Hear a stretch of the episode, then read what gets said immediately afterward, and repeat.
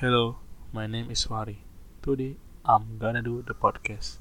It's the first time for me. For your information, I'm doing this for Tate College. And seriously, I'm just a beginner at speaking English. So I'm sorry if my pronunciation and grammar are bad. For introducing, I'm Indonesian and I'm 19 years old. Yeah, just it. Next time I tell more. In this content, I'm gonna tell you about what will I do with this channel.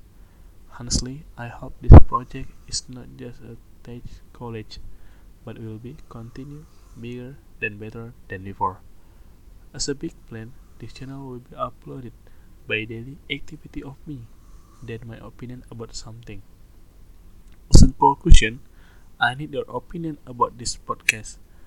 What should I do and what should I don't to do? Hopefully that we will grow up together. And next, my stuff for recording will be upgraded.